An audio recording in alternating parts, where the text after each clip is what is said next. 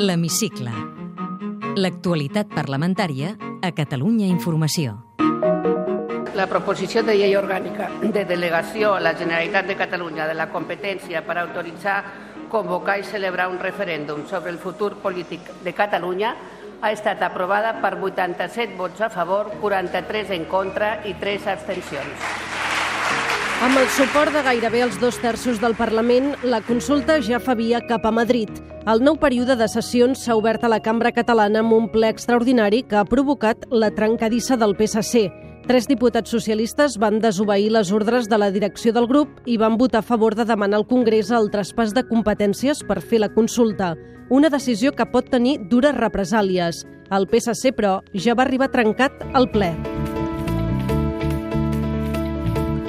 pel compromís amb els ciutadans de la meva circunscripció electoral i dels catalans i catalanes i per fidelitat als militants i simpatitzants del PSC que pensen com jo, òbviament, he comunicat al primer secretari del PSC i president del grup parlamentari socialista i a la mesa del Parlament la meva renúncia a l'escó de diputat al Parlament de Catalunya. L'alcalde de Lleida, un dels referents de l'ànima catalanista del PSC, anunciava dimecres que deixava l'escó. No està d'acord amb l'enroc del seu partit contra el procés sobiranista. Unes hores després, el PSC encara s'esbarlava més. El dia del ple, dijous, Marina Geli, Joan Ignasi Helena i Núria Ventura decideixen trencar la disciplina de grup i voten a favor de la consulta. Ho fan per consciència i fidelitat del país i diuen d'acord amb el programa electoral del PSC. Un acte de representativitat i de consciència personal, de poder tornar a casa i dir-li al meu fill que no l'he traït.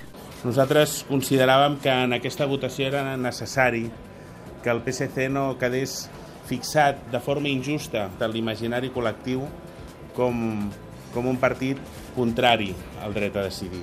El que no podem és faltar al compromís que vam adquirir amb els ciutadans i ciutadanes de, de Catalunya. La diputada Rocío Martínez Sampere, que dubtava si s'havia d'abstenir, va acabar situant-se al costat de la direcció, però va anunciar que no continuarà l'executiva del partit. També deixa la direcció del PSC l'exdiputada Laia Bonetti renuncia a ocupar un escó si hi hagués baixes al grup parlamentari. Això és incompatible amb seguir formant part del grup parlamentari socialista perquè ja heu contravingut el mandat de la democràcia interna del Partit dels Socialistes de Catalunya. La direcció del PSC no va trigar a reaccionar. Mentre els tres diputats que havien trencat la disciplina de vot encara atenien la premsa, Maurici Lucena eh, ja anunciava als passadissos del Parlament que havien de deixar l'escó. Però no tenen intenció de fer-ho. Penso que tinc que continuar formant part del PSC i del grup parlamentari del PSC en base a la representativitat. No considerem que la solució dels problemes polítics es resolgui amb expulsions, amb separacions, amb decisions d'aquestes característiques. Si els tres discurs no entreguen l'escó i són expulsats del grup del PSC, passarien a tenir la condició de diputats no adscrits com Joan Laporta a la legislatura passada. Si els fan fora, els socialistes s'arrisquen també a convertir-se en quarta força al Parlament darrere del Partit Popular. Més enllà de les parets de la cambra, els tres diputats crítics van rebre una onada de suport en un manifest signat per més d'un centenar de personalitats socialistes. Com els exconsellers Montserrat Tura, Joaquim Nadal o Antoni Castells. La crisi del PSC va eclipsant per la solemnitat del ple. Era una data assenyalada en el calendari sobiranista. Apel·lant a l'article 150.2 de la Constitució, es demana a Madrid que delegui les competències a Catalunya per fer la consulta. A l'hora de la votació, cap gran sorpresa. Convergència i Unió, Esquerra Republicana i Iniciativa Esquerra Unida hi van votar a favor. El convergent Jordi Turull i l'ecosocialista Dolors Camats lamentaven el desmarcament del PSC. Senyor Navarro, avui vostè enterra una llarga tradició d'aquests temes que havien passat en aquest Parlament en tots els temes de gruix de país i que giraven entorn de la democràcia, de l'autogovern, de la llengua, etc etc, sempre les forces catalanistes hi érem conjuntament. Lamento profundament el vot negatiu del Partit Socialista. El rebuig a aquesta proposició de llei també és la renúncia a la centralitat al catalanisme polític, que avui representa el dret a decidir. La republicana Marta Rovira s'adreçava a Madrid. Amb aquest missatge. Senyors del govern espanyol, tenen l'última oportunitat de resoldre aquesta tensió política democràticament. La negativa i l'amenaça no porten al lloc. Vostès seran els responsables que la votació, si es fa al Congrés espanyol, d'això que aprovem avui, permeti un referèndum o no el permeti per votar el 9 de novembre. La CUP finalment es va abstenir tot i haver firmat la proposta. La decisió no va agradar a la resta de partits sobiranistes. Quim Arrufat va deixar clar que l'abstenció no busca despenjar-se del procés, sinó demostrar que aquest tràmit, el d'anar a Madrid a demanar permís, és innecessari. Considerem que és tot un error el que s'ha recorregut i, per tant, acompanyarem, us esperarem a l'andana, veurem marxar el comboi a Madrid i ens quedarem mirant el rellotge de l'estació. Si la CUP no s'hagués abstingut, la proposició de llei s'hauria aprovat amb el suport de 90 diputats. És a dir, amb una majoria qualificada de dos terços.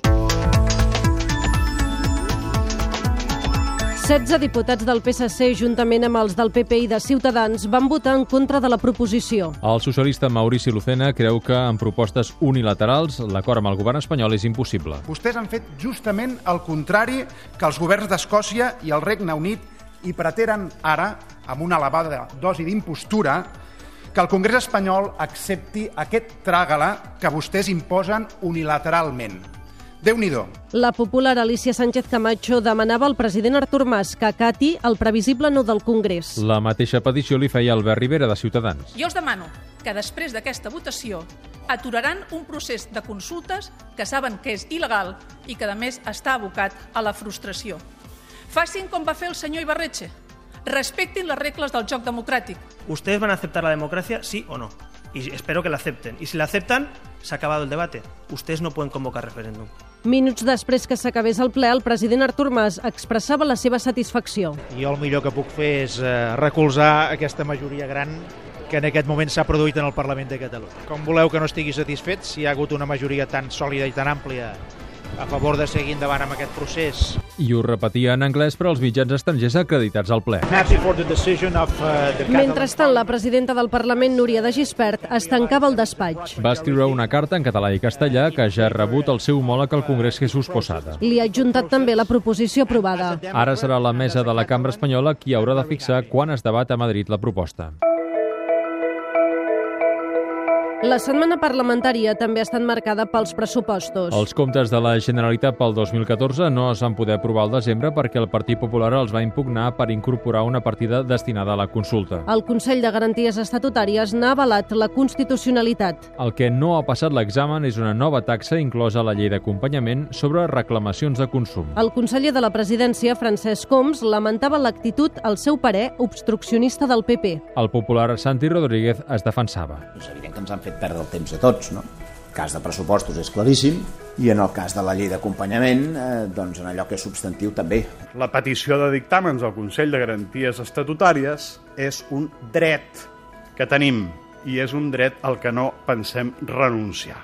Un cop conegut el dictamen del Consell de Garanties, els pressupostos ja tenen via lliure per ser aprovats. Seran el ple de la setmana que ve.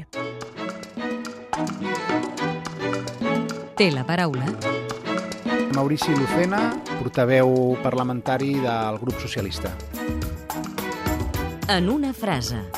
Senyor Maurici Lucena, vol que Catalunya esdevingui un estat? Voldria que Catalunya esdevingués un estat federat a la resta d'Espanya. Preveu eleccions anticipades? Molt probablement sí. Finals d'enguany o principis de l'any que ve. Una reforma constitucional pot resoldre l'encaix de Catalunya amb Espanya? Jo li trauria el condicional, el resoldrà. I de moment, a curt i mig termini, inclús m'atreviria a dir que és l'única via possible. Percep símptomes de recuperació econòmica? Clarament en percebo, però sóc prudent amb un viatge optimista. Ha estat mai a la cua de l'atur? Sí. Els seus ingressos han pujat, baixat o s'han mantingut en els últims 5 anys? Des que jo em dedico a la política respecte a les meves anteriors feines han baixat substantivament. Ara cobro aproximadament el 60% del que cobrava. Ha cobrat o pagat mai en negre? No que jo recordi. Posaria la mà al foc que ningú ha comès mai cap irregularitat al seu partit? En absolut no la posaria. Quina és la llengua d'ús habitual a casa seva? El català. Quantes en parla? Català, castellà i anglès. Quins estudis té? Soc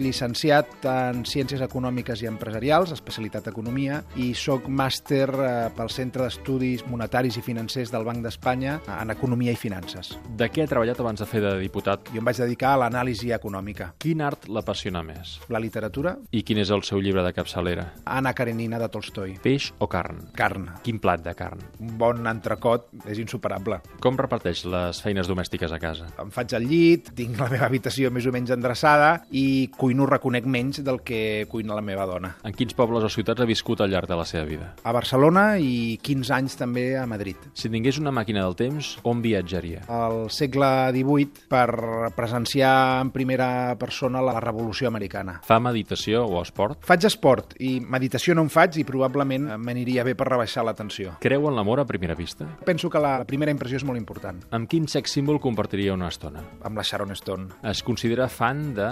Del Barça. Quin diputat d'un altre grup o diputada fitxaria pel seu ideologia a banda? Ideologia a banda, eh, que quedi clar. Antoni Fernández Teixidor i Jordi Canyes. Una mania confessable. Mirar diverses vegades al, abans d'anar a dormir que he posat bé l'hora al despertador. Quan acaba el ple del Parlament, com desconnecta, com torna cap a casa? Fent coses que no són massa especials, o sopant amb la meva dona o sopant amb, amb els amics. Senyor Maurici Lucena, moltes gràcies. Moltes gràcies a vostè.